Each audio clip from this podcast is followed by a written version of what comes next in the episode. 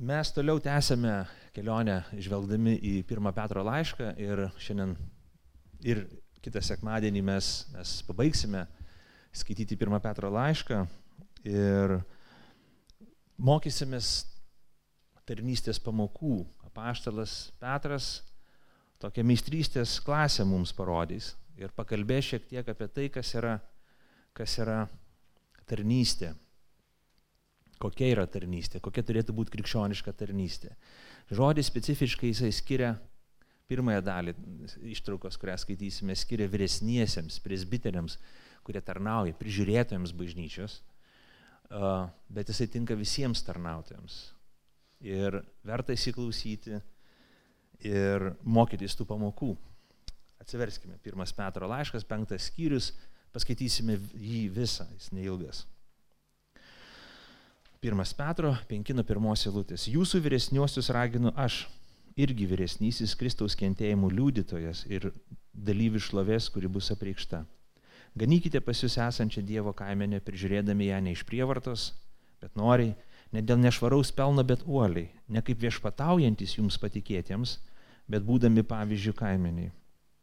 O kai pasirodys vyriausiasis ganytojas, jūs, būsite, jūs gausite nevystantį šlovės vainiką. Taip pat jūs, jaunesniai, būkite klusnus vyresniesiems ir visi paklusdami vieni kitiems apsivilkite nuolankumu, nes Dievas išdidiesiems priešinasi, o nuolankiesiems teikia malonę. Tad nusižeminkite po galingą Dievo ranką, kad jis išaukštintų jūs metų atėjus. Meskite ant jo savo rūpešius, nes jis jumis rūpinasi.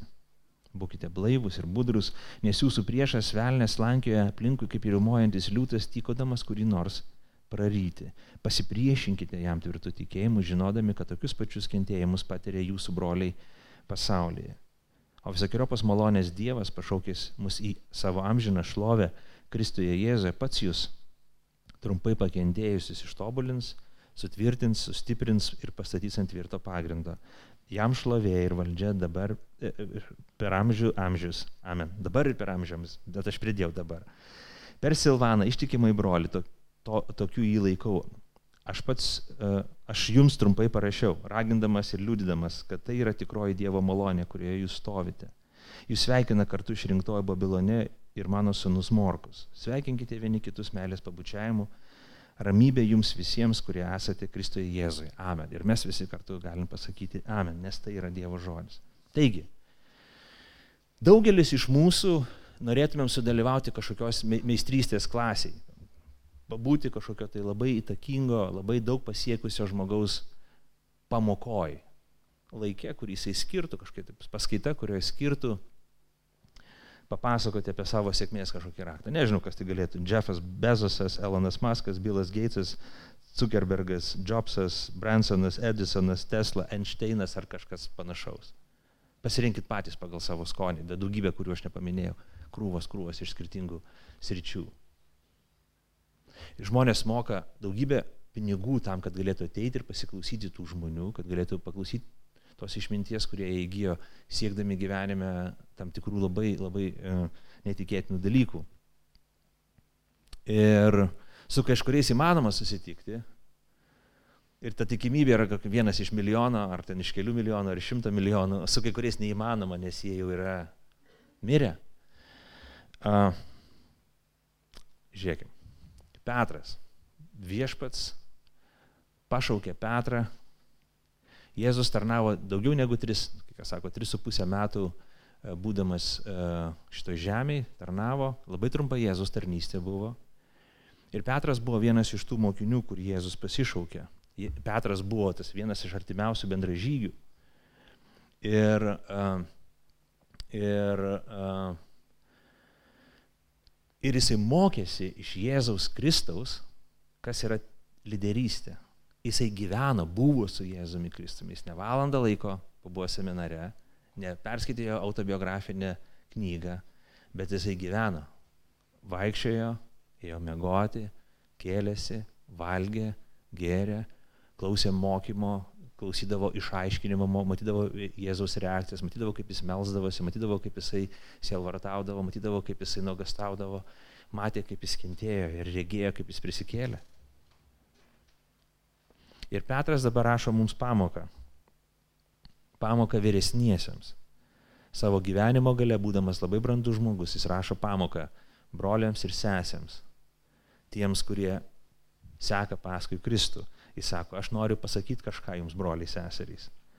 Aš noriu pasakyti kažką, kas, kas jums bus labai naudinga. Taigi pats Jėzus jį pašaukė, sako, nuo šiol žmonės žvėjosi, Jėzus išrinko jį, kad būtų vienas iš dvylikos. Po prisikelimo mes žinom, kad išdavystės naktį, kai Jėzus buvo teisiamas, Petras išsigynė Kristaus. Tris kartus išsigynė. Ir po prisikelimo, Jono Evangelijos 21 skyriuje prašyta, kaip uh, Jėzus kreipėsi į Simoną Petrą. Šitą Petrą kreipėsi, Simoną Jono sūnau, ar myli mane labiau šituos? Jis atsakė, taip viešpatė, tu žinai, kad tave myliu. Jėzus jam tarė, ganyk mano vinėlius. Antrą kartą klausė Jėzus. Simonui Jonas, sūnau, ar myli mane? Tas atsiliepė, taip viešpatė, tu žinai, kad tave myliu. Jėzus jam pasakė, ganyk mano vis. Jėzus paklausė trečią kartą Simono Jono sūnų, ar myli mane. Petras nuliūdo, kad jis trečią kartą klausė, ar myli mane. Ir atsakė, viešpatė, tu žinai viską. Tu žinai, kad tave myliu. Ir Jėzus jam atsakė, ganyk mano avis. Mes matom Petro raidą, mes matom Petro aistrą, mes matom Petro ambiciją, mes matom sulaužytą Petro ambiciją, mes matom Jėzų, kuris veda Petrą į atgailą, į gilę atgailą ir, ir susivokimą, kas jis iš tikrųjų yra ir kaip Kristus jam reikalingas, kad jisai būtų kaip asmuo atstatytas ir kad būtų įgalintas tarnystėje, kurią yra šaukiamas. Ir Jėzus jį, jį pašaukė, Jėzus jį pastato tą tarnystę, Jėzus įkvėpia, Jėzus deleguoja Petrą būti ganytoju krikščioniškoj bendruomeniai. Ir žiūrėkim, kaip Petras prisistato, kokiais žodžiais jisai kreipiasi į, į, į, į skaitytojus, sako, jūsų vyresniuosius, tuos, kurie vyresnėjai bažnyčiai. Raginu aš irgi vyresnysis. Paskui sako, Kristaus kentėjimų liudytojas ir Dievo šlovės dalyvis. Taigi Petras prisistato kaip kaip vyresnysis, kaip tas, kuris lygiai taip pat, kaip, kaip kiti bendruomeniai žmonės gavęs iš Kristaus tą dovaną tarnauti, ugdyti, prižiūrėti. Vyresniojo tarnystė tai yra prižiūrėtojas, presbiteris, prižiūrėtojas, tas, kuris kaip pėmuo atsistojęs, kažkiek aukščiau, nes pėmuo aukštesnis už, už avis, nes tipiškai avis, ne, žydų kultūrai buvo auginamos, atsistoja kažkur aukščiau, Jisai yra pas aukštesnis už žavis ir jis mato panoramą, mato vaizdą, mato kaimenę, saugo ją, žino, kur eiti, jis išmano, išmano ganyklas, jis žino, kad reikia keliauti. Nu, nuolat ganamos avis keliauja, jos juda, nes nuvalgo vieną, vieną e, ganyklą, kitą ganyklą, eina prie vandens ir taip toliau, saugo nuo pavojų ir taip toliau. Kaip tai dvasinė prasme tai galėtų reikšti, kad e, vyresnysis prižiūrėtojas Jis yra Dievo žodžio mokytojas bažnyčiai ir vadovaujantis bendruomeniai žmogus. Tipiškai Naujo testamento bažnyčiai tai būdavo grupė žmonių, kolegėliai, jie susirinkdavo, būdavo, bendraudavo ir kartu spręsdavo panašias problemas. Tai yra ne vienas vadovas bažnyčiai, bet visą laiką dalindavosi tą atsakomybę vieni su kitais, nes visą laiką yra silpni, visą laiką yra pažeidžiami žmonės ir reikalinga, reikalinga ta grupė žmonių, kad, kad būtų. Dėl to Petras sako, vyresnieji į daugiskaitai kreipiasi. Taip jis rašo ne vienai bažnyčiai, bet, bet visose bažnyčiose būdavo grupelė vyresniųjų, kurie prižiūrėdavo, kurie rūpindavosi, kad būtų pamokslavimas tinkamas Evangelijos žodis. Teisingai išdėstyta Evangelijos žinia. Ir lygiai taip pat, kad būtų tinkami, tinkamai priimami kažkokie tai vadovavimo sprendimai ir panašiai. Petras sako, aš esu toks pat vyresnysis kaip, kaip jūs, broliai, vyresniai. Mane paskyrė Kristus, Kristus paskyrė jūs iš tą tarnystę. Mes lygiai taip pat tarnaujame bendruomenė, aš rašau, paskui sako, aš esu Kristaus kentėjimų liudytojas. Jau aš esu minėjęs, Petras rašo bažnyčiai, kuris susiduria su persiekėjimais, išgyvena persiekėjimus, kuri kenčia nuo, nuo persiekėjimų, dėl to, kad jie krikščionys. Ir tas netikėtinas dalykas, kai tau rašo žmogus, kuris nepatyręs kančių, tau, kuris patyrė kančią, tie žodžiai skamba vienaip. Bet kai tuos pačius žodžius pasako, arba daug mažiau žodžių pasako žmogus, kuris patyrė kančią, jie kažkokią galę turi visiškai kitą. Jie tokį turi svorį, kuris tiesiog net prispaudžia tave prie žemės, jie tokį pagoda, kaip vanduo karštą dieną, kaip šiluma sušalus ir sužvarbus. Ir Petras sako, aš esu kentėjimo liudytojas. Mes prisiminkime, kad po prisikėlimo Petras buvo mušamas, Petras buvo įkalintas, Petras buvo pasmerktas nu, nu, nu, nu, nu, būti nu, nužudytų. Jį jau buvo pasmerkę, jam buvo paskelbę mirties bausmę, bet mirties bausmės išvakarėse, kai bažnyčia meldėsi, stebuklingų būdų vartai atsidarė kalėjimo ir jis išėjo. Čia tiek, kiek mes nedaug žinom apie Petro gyvenimą, ką dar jis patyrė per daugelį dešimtmečių tarnaudamas Dievui. Žinant, kad kultūra, tiek žydiška kultūra, tiek, tiek romėniška kultūra buvo priešiška Evangelijai. Petras sako, aš esu Kristaus kentėjimų dalyvis. Ne tik mačiau, kaip Kristus kentėjo, bet pats patyriau. Ako šlovės, kuri bus apreikšta dalyvis. Jis liu, liu, liudytojas tų, tų kentėjimų, bet sako, aš esu tos šlovės dalyvis, e, Petras sako. Šlovė vėlgi, kas yra šlovė? Mums dažnai galvojam, šlovė tai fanfarai, šlovė tai raudonas kilimas, šlovė tai kai konfeti krenta ant tavęs ir tu visiems ten rodai du pirštus, nerodėsi jokių, nes kartais krikščionis sako, tokį parodė velniui tarnaujant, kažkokius ženklus tu rodai, kad aš esu nugalėtojas, ne?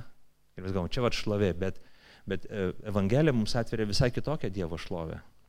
Evangelija sako, kad kai Jėzus buvo pakeltas ant kryžiaus, nukryžiuotas, kenčiantis, dėjojantis, krūjų pasrūvęs vyras, jis buvo pašlovintas. Dievas nusprendė savo šlovę apreikšti per kryžių, per mirtį, per pasiaukojimą, per savęs atidavimą už kitus. Ir ta šlovė, jin, jin mus stebina, kai kuriuos žmonės piktina, kai, kai kurie žmonės niekina, tai kai kurie žmonės sako, tai nesąmonė. Bet mūsų krikščionys tai stebina ir sakom, o, tai yra šlovės preliudija, paskui ta šlovė apsireikš tokiu būdu, kad Evangelija bus paskelbta visom tautom. Kristus sugrįš ir viešpataus čia. Ir Petras sako, jeigu mes dalyvaujam šitoj kančioj, jeigu mes sekam paskui Kristų čia, šito žemėje, net susidurdami su kančia, žinokim, kad mes paveldėsim ir aną šlovę. Mes jau dalyvaujam to šlovėje, mes jau esam dalyviai to šlovės. Jeigu kažkas mus paniekina dėl Jėzus vardo, jeigu turim dalį čia, tuomet, kai mus paniekina, mes turėsim dalį ir tuomet, kai Kristus bus išaukštintas, mes turėsim dalį ir tuomet, bet ne anksčiau. Toje išaukštinimo šlovėje. Ketvirtoji eilutė, labai svarbi eilutė, manau, viena raktinių eilučių, norint suprasti apskritai tarnystės prigimtį. O kai pasirodys vyriausias ganytas, jūs gausite nevystantį šlovės vainiką. Aš manau, čia esminis dalykas, ką mes turim kaip krikščionis suvokti, bet kokia tarnystė, kas yra, kalbam apie bažnyčią, apie krikščionybę, jin kyla iš paties viešpaties. Žiūrėkit. Petras rašo vyresniesiems, ganytojams, tiems, kurie prižiūri kaimenę. Ir sako, vieną dieną, vieną dieną ateis vyriausias presbiteris, vyriausias ganytojas.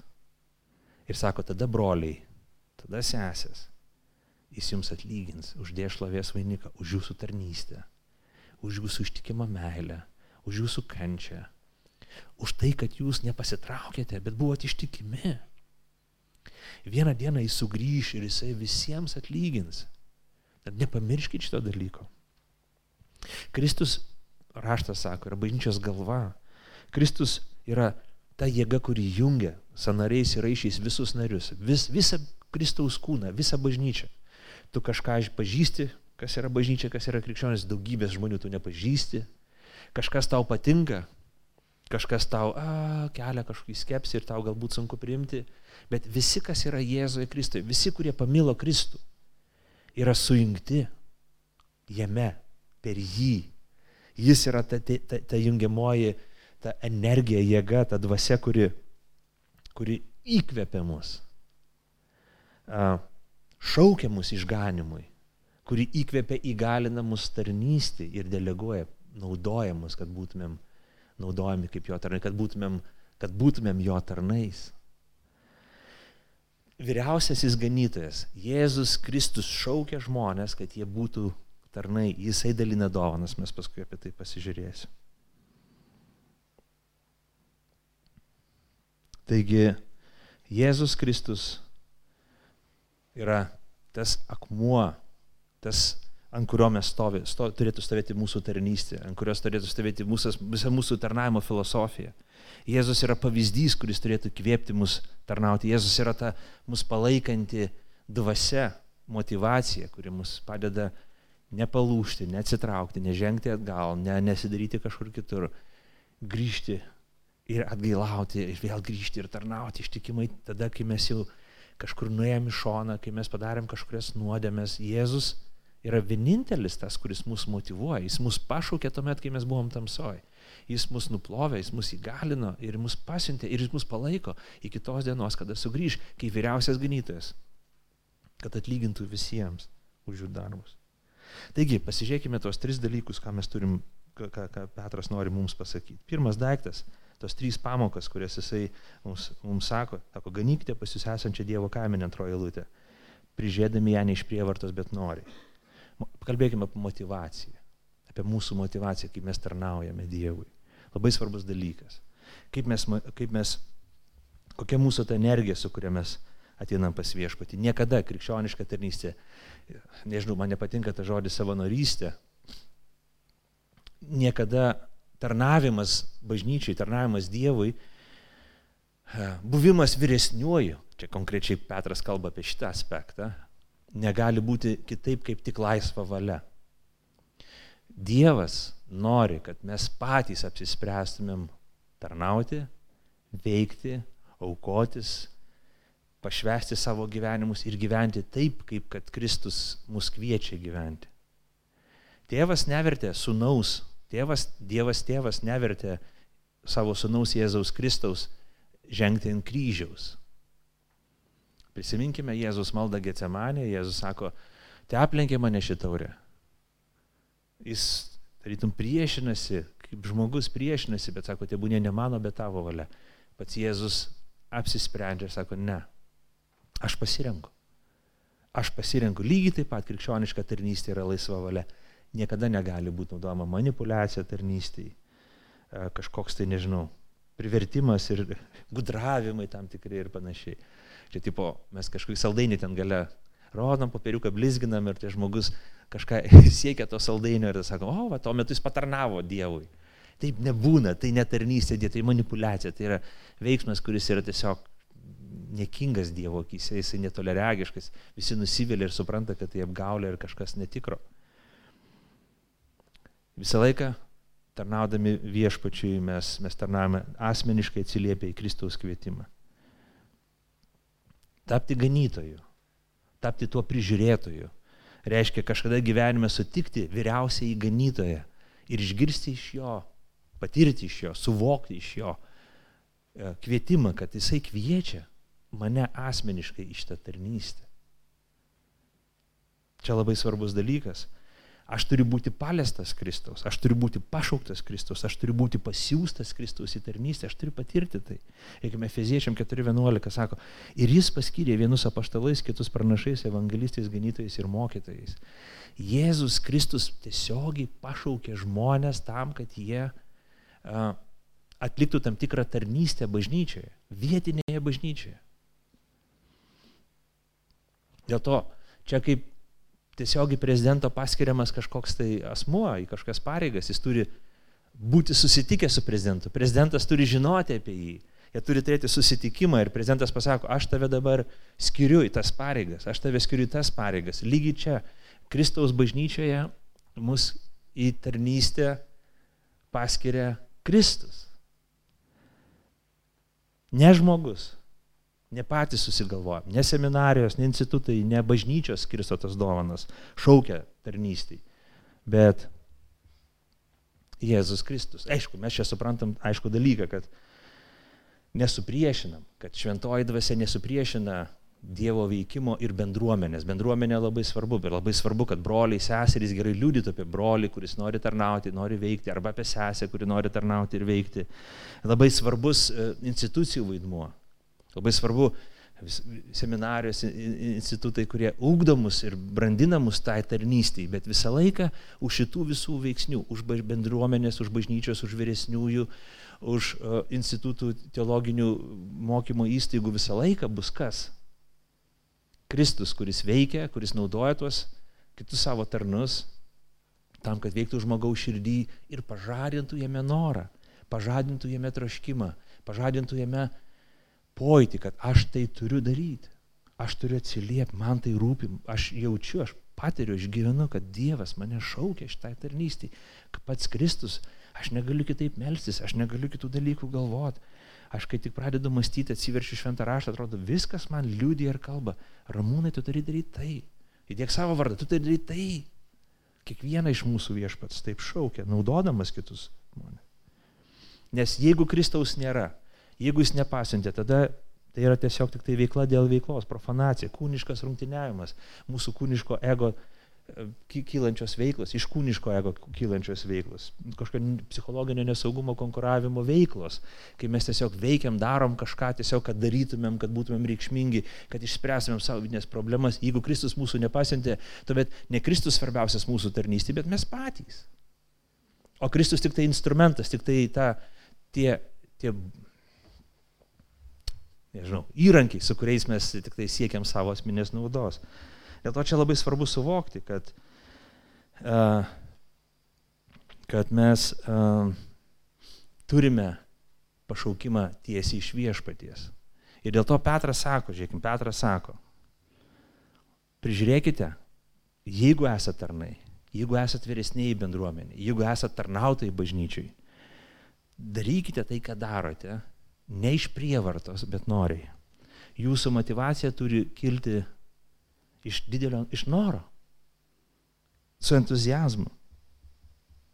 E, Hebrajam 13-17 sako, klausykite savo vadovų, būkite jiems atsidavę, nes jie būdi jūsų sielų labui, būdami atsakingi už jas. Jie tai te daro su džiaugsmu, o ne dūsaudami, nes tai nebūtų jums naudinga.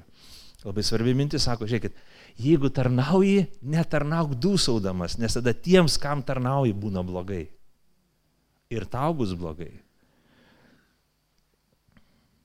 Taigi jokios manipulacijos neturi būti vedant į tarnystę. Atvirkščiai turėtume sakyti, tu pasverk, tu pagalvok, ar iš tikrųjų, ne, ne, tikrai mane Dievas šaukia. Žmogus turi turėti užtikrintumą, ne, pasitikėjimą, palaikymą bendruomenį. Sako, o, mes, mes matom, kad tave Dievas šaukia. Ne? Mes palaikom, mes melžiamės už tave, mes laiminam tave, mes pripažįstam Dievo kvietimą tavo gyvenime. Ir mūsų malda, kad Dievas tau duotų kaip įmanoma e, būti vaisingesniu toje tarnystėje, kurią šaukia. Bet labai svarbu, kad mes nedūsautume, kai tarnaujame. Kad mes neatlikinėtumėm lažo. Kad ne, ne, nedarytumėm tarnystės, kaip kažkokia tokia skolos jausmą, tokio la, lažą tokį nešam, tokį iš pareigos darom, užstrigę žuvies kaulas gerkliai, nei pirmie, nei atgal, neužmiršt, nei kažkaip, nei atsisakyti, nei dabar, čia, na, oi, net nenori bažnyčia ateiti, kad čia vėl man primins, kad aš turiu kažką daryti. Aš sakai, oi, darau, bet čiūrika laikau kišeniai. Oi, ne, tai jo, jo, gerai, bet tokį čiūriką laikau kišeniai, žinom. Ir Ir tada sakai, o, nu, kamo, kodėl man čia reikėtų tai daryti? Uh, neseniai kalbėjau su vienu jaunu žmogum, kuris pakeitė darbą. Jaunuolis ir dirba tokia įmonė, kuri, kuri pardavimų srity ir jie, jie pardavinė pakankamai brangias prekes ir ne kiekvienas gabus įsigyti tokius daiktus. Aš klausinėjau apie, apie darbo pobūdį ir panašiai ir tas žmogus, aš paklausiau, o kaip tu apsirengęs eini į darbą? Na, sako, jokio kažkokio tai prangos kodo nėra, kad reikėtų kostiumą vilkėti ar kažkokią uniformą panašiai. Bet sako, aš suprantu, kad eidamas į darbą aš turiu apsirengti santūriai, nesuplyšusiai džinsais, ne kažkokiais kitais dalykais, bet ateinu taip, kad parodyčiau pagarbą darbdaviui, klientams ir taip toliau. Aš galvoju, o, jam niekas nesakė, kaip apsirengti, bet jisai būdamas protingas supranta, kaip turėtų rengti šitoje aplinkoje, ateidamas tiesiog į darbą. Petras sako, broliai sesės, kai tarnaujat Kristui, kai tarnaujat viešpačiui ir atpirkėjui, pasaulio sukūrėjai, kai, kai, kai tarnaujat Dievui, te būna, te spindi jumis entuzijazmas ir noras. Būkit pilni noro tarnauti. Būkit pilni džiaugsmo. Nes tarnauti kuriejai, tarnauti atpirkėjai yra džiaugsmas. Apaštalas Pet, e, Paulius, kitas apaštalas, kuris jau suvokė, kad jo gyvenime laukia kažkaip baisus išmėginimai. Jisai keliavo į Jeruzalę, vežė didelės surinktas aukas pagonijai, tai reiškia visam Romos, e, Romos imperijos tam tikroje dalyje. Vežė daug surinktų lėšų į Jeruzalę vargstantiems krikščionims paremti.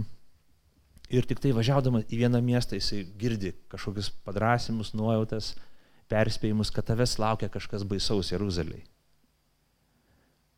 vienam mieste, jis nukeliauja kitą, arčiau Jeruzalės, vėl sako, gal tu nekeliauk tenai, nes tavęs laukia pančiai. Žmonės turėjo kažkokią išvalgą iš Dievo. Kai kurie broliai sakydavo, Pauliau, mes mylim tave, tu reikalingas bažnyčiai, neik ten, tu žūsi. Jie maldaudavo su ašarom, prašydavo, kad jisai sustotų, neitų. Paulius suvokė, kad jo, kad jo gyvenimas iš tikrųjų pakibęs ant plauko. Sako, bet tai nesvarbu, Paulius rašo, aš nebranginu savo gyvybę, svarbu, žiūrėkim, kad tik su džiaugsmu baigčiau savo bėgimą ir tarnavimą, kurį gavau iš viešpaties Jėzus. Liūdyti Dievo malonės Evangeliją. Paulius, jisai susidūrė su daugybė pasipriešinimo iki šito momento. Jis buvo paniekintas, atmestas, samokslai prieš jį kildavo, jis būdavo mušamas, neįtikėtinas jo gyvenimas. Ateityje dar laukia dar didesni išmėginimai. Bet sako, mano tikslas koks broliai? Su džiaugsmu baigti tarnystę. Aš ją pradėjau, aš noriu ją atbaigti su džiaugsmu, su entuzijazmu, su įkvėpimu.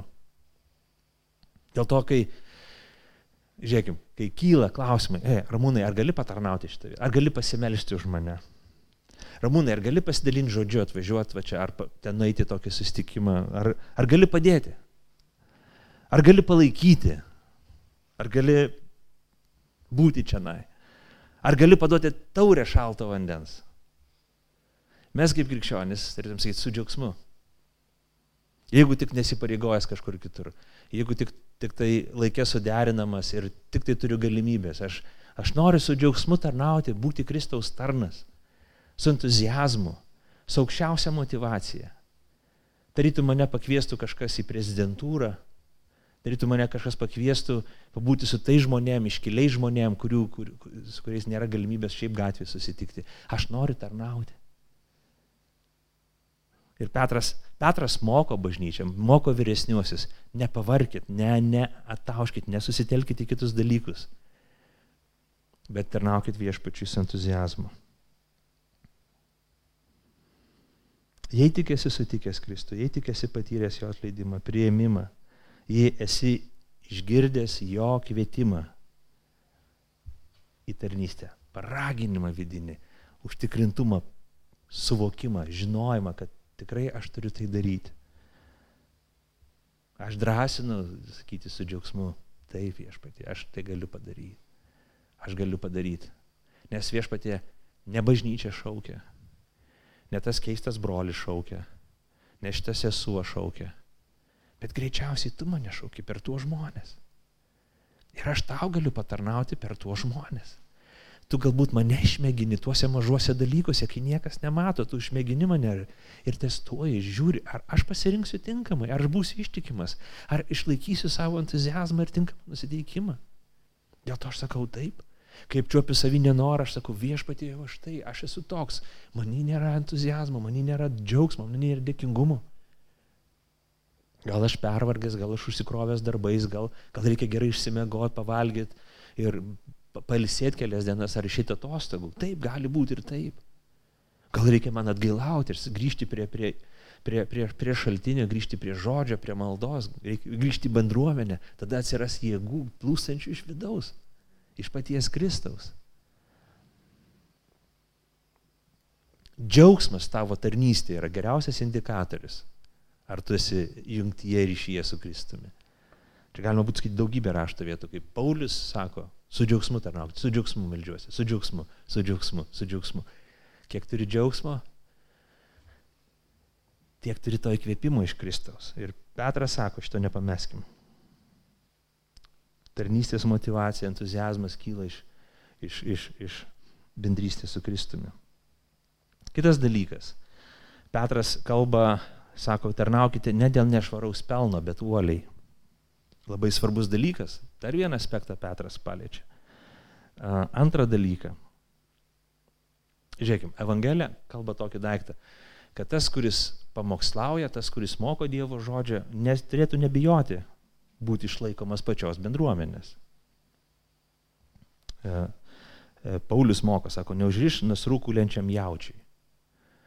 Sako, ar tik jaučiais Dievas rūpinasi. Jisai kalba tokį dalyką, jeigu tarnautojas dirba kaip jautis, natūralu, kad mes duosim jam šieno, kad jis pavalgytų, nes tiesiog mokyti Dievo žodžio yra darbas.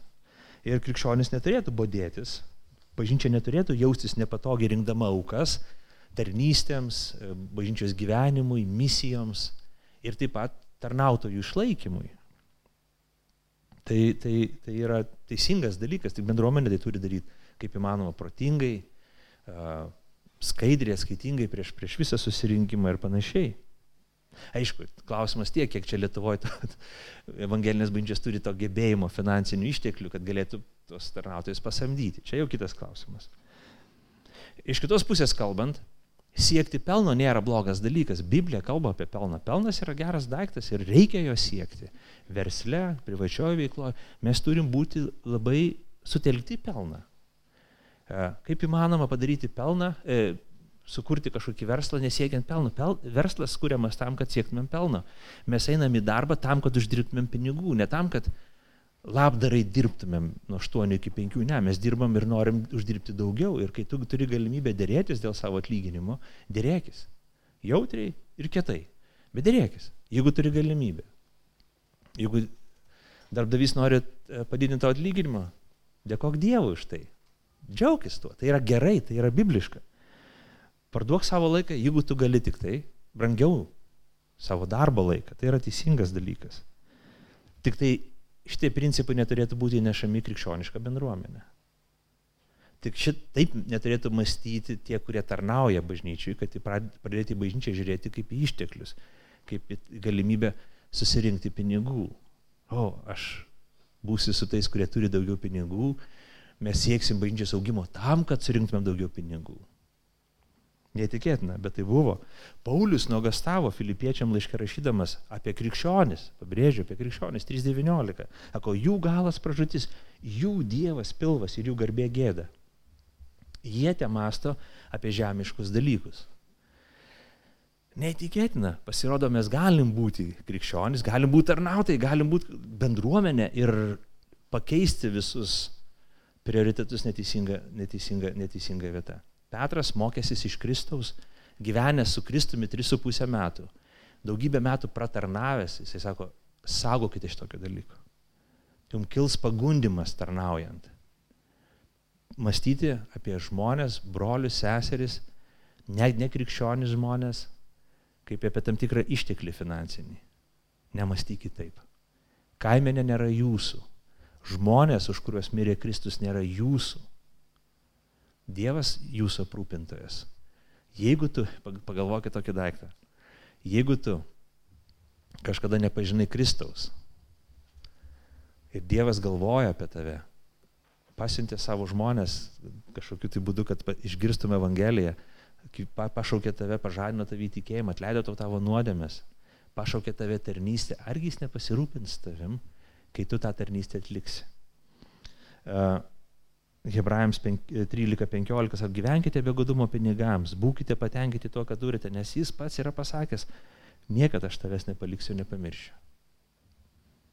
Visi turim tą pasitikėjimą turėti. Biblija mums sako tiesiai apie finansus kalbant, kad viešpas mums pažadėjo, kad jisai mumis pasirūpins.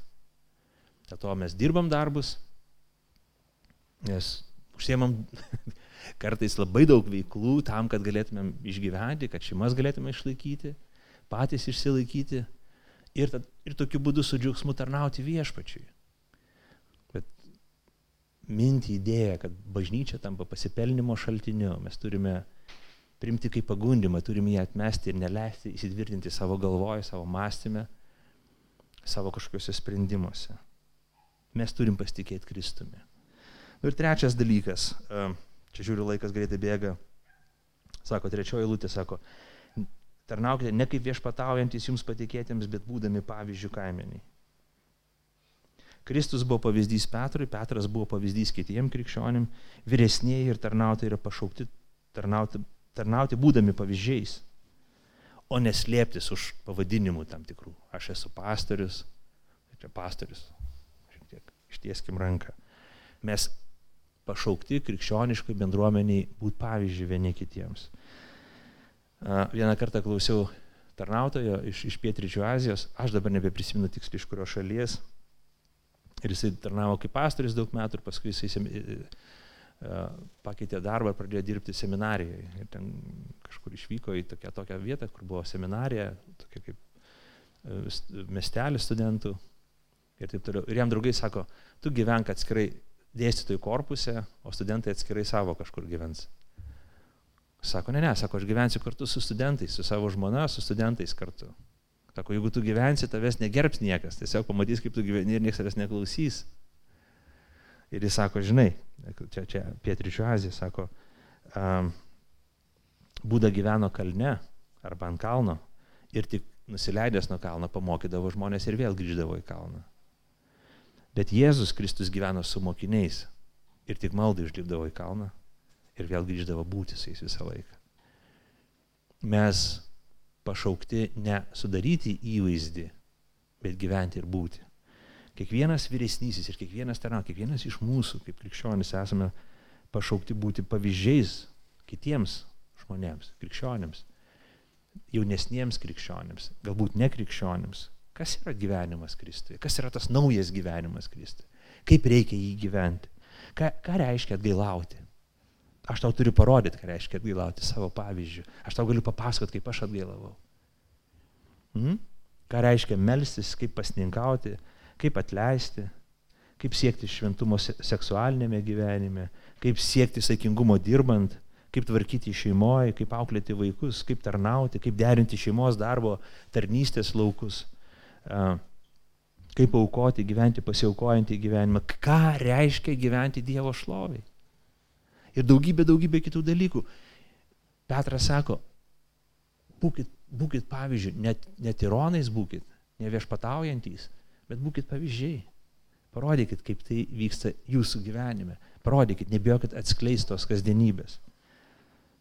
Sakai, o, o, o ne, aš nenoriu tarnauti tada, jeigu taip. Bet jeigu mes norime sekti paskui Jėzų Kristų, kito kelio nė, nu, nėra tiesiog. Mes turime ateiti pas Kristų tokie, kokie esam. Ir sakyti viešpatie Jėzu, aš noriu sekti paskui tave. Ir suprantu, kad ėjimas paskui tave tai pasikeitimas. Pirmiausia, prisideda prie to, kad aš atgailauju už savo nuodėmės, už savo netikimą. Man reikia pokyčių mano gyvenime, man reikia pasikeitimų tam tikrų, realių esminių pasikeitimų savo gyvenime. Tada mes, mes išmetam populizmą, apsimetinėjimą, įvaizdį iš bažnyčios krikščioniškos nebeapsimetinėjom, kad mes esame labai sėkmingi, labai cool, labai viskas mums visose srityse gerai sekasi. Metam von šitas šiukšlės nesamoningas. Šitas pasaulis taip masto, mes pašaukti esam būti nuširdus ir atviri. Ir ten, kur mums nesiseka, mes turim sakyti, man ne, nepavyksta šitoje vietoje. Prašau maldos ir prašau, kad viešpas mane stiprintų. Aš esu nuolankus ir noriu mokytis. Man dar vis nepavyksta, vis dar nepavyksta. Bet aš prašau bendruomenės palaikymo ir ne, ne, ne, nevaidinu. Ir pavyzdžių galim sekti, arba būti, pavyzdžių galim būti tik tuomet, kai, kai, kai leidome ir leidžiame Dievo žodžiui ateiti mūsų gyvenimą ir mus koreguoti. Vesti į atgailą, mokyti, ugdyti ir brandinti. Porą pavyzdžių. Žiūrėkit, pabaigoje. Paulius, atsiprašau, Petras pamini porą pavyzdžių Žiūrėkit, laiško pabaigoje 11, 12 eilutė sako, per Silvaną ištikimą brolį, aš jums par, e, trumpai parašiau. Paulius pamini porą žmonių, žiūrėkit, Silvanas ir 13 eilutė Morkus. Man neįtik, tai neįtikėtina, žiūrėkit, kaip skamba. Ištikimas brolis Silvanas. Ne? Petras sako, jis yra ištikimas brolis. Neįtikėtina, jeigu mes ieškotumėm Silvaną, tai yra tas pats um, Silas, jis vadinamas silu, tai yra latiniškas žodžio Saulis, ilgas pa, pa, pa, pa, pavadinimas. Jis labai daug kartų nu, nu, nu, vartojamas, jis ne pavartojamas, bet paminimas Naujame testamente, labai daugybę kartų. Čia reikėtų atskirą pamokslą apie jį sakyti. Vienas ryškiausių epizodų, kur, kur paminamas e, Silvanas, yra tuomet, kai Paulius su komanda atvyksta į Filipų miestą, jie skelbia Evangeliją, įtiki ir prieš juos sukeliamas maištas ir jie pretoriai paima juos, sumuša kaip turi būti, įtveria į šiekštą ir pasina į kalėjimą. Dviese jie buvo - Paulius ir Silvanas. Naktį, nu naktis anksti ateina, šeštą, septintą ryto naktis ateina, ne? jie gėda himnus Dievui. Du broliai - Silvanas ir Paulius. Nesikeikia, nerašo apeliacijas į teismą, nesikreipia į žmogaus Strasbūro teismus, nekeikia šitų, nemėta akmenų į, į, į, į šitą į grotas uh, ir taip toliau. Jie gėda himnus, kaliniai klauso. Kyla stiprus žemės drebėjimas, pančiai nutrunka, bet jie nepabėga iš kalėjimo, grįžus kalėjimo prižiūrėtojai, sako, ne, nesižudyk, nes pagal romėnų tvarką tu turi nusižudyti faktiškai, tada nuimi negarbę nuo savęs. Mes, sako, nepabėgom. Ta žmogus klumpa ant kelių, sako, ką daryti, kad būčiau išgelbėtas. Sako, tikėk Kristų. Pas tą, na, tą pačią naktį pasikrikštė prižiūrėtos ir visa jo šeimyna. Jie įtikėjo Dievą. Ir tas pats Silvanas, gal ištikimas brolis. Žiūrėkit, Petras patyrė kančią savo gyvenimą. Su jo, jo apsupti yra ištikimi broliai, kurie patyrė kančias savo gyvenime, atstumimą, nešiojo randus tikėjimo į Kristų, persiekimo randus. Ir jie buvo ištikimi, neatsitraukę nuo Kristaus, neatsitraukę nuo tarnystės, neatsitraukę nuo pašaukimo, kurį jie atrado Kristuje. Ir jie rašo kenčiančiai bažnyčiai. Hei, jeigu tau bus sunku, jeigu tavo siela dviejos, pažiūrėk į akis tų, kurie jau patyrė tai. Pažiūrėk į tuos, kurie, kurie žino, ką reikia daryti. Nežiūrėk į, prarajas, kurios yra po tavo kojam. Žiūrėk mums į akis, žiūrėk į mūsų pavyzdį, stebėk mūsų nugarą, mes einam pirmi. Mes rodom, kaip reikia elgtis, kaip reikia ištverti, kaip reikia kentėti. Neįtikėtinai. Ištikimasis brolis, žiūrėk, apie morku, kaip sako. Mano sunus morkus iš tikrųjų Morkus buvo Barnabo pusbrolis. Pirmą kartą mes kažkiek sužinom, atsimenam, aš minėjau, kad Petras buvo suimtas ir nuteistas miriop. Ir jau laukia mirties bausmė sekančią dieną. Ir kai jo pančiai nukrenta, atsidaro duris, jis išeina, jis bėga pas Mariją į namus, nes tenai pas Mariją namuose, greičiausiai buvo turtingi žmonės, buvo maldos susirinkimas, visi bažnyčia meldėsi už Petrą. Ta Marija buvo Morkaus motina.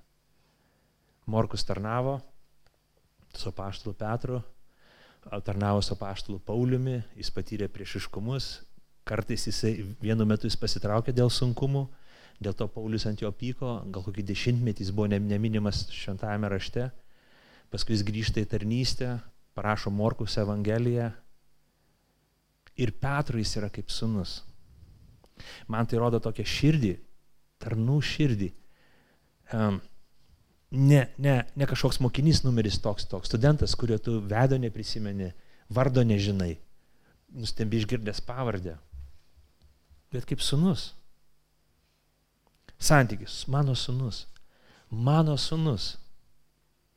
Paulius jį naudoja, Petras jį naudoja, Mes esam kaip bažnyčia, mes esam kaip dvasinė šeima ir mes turim vienus kitus matyti kaip brolius ir seseris.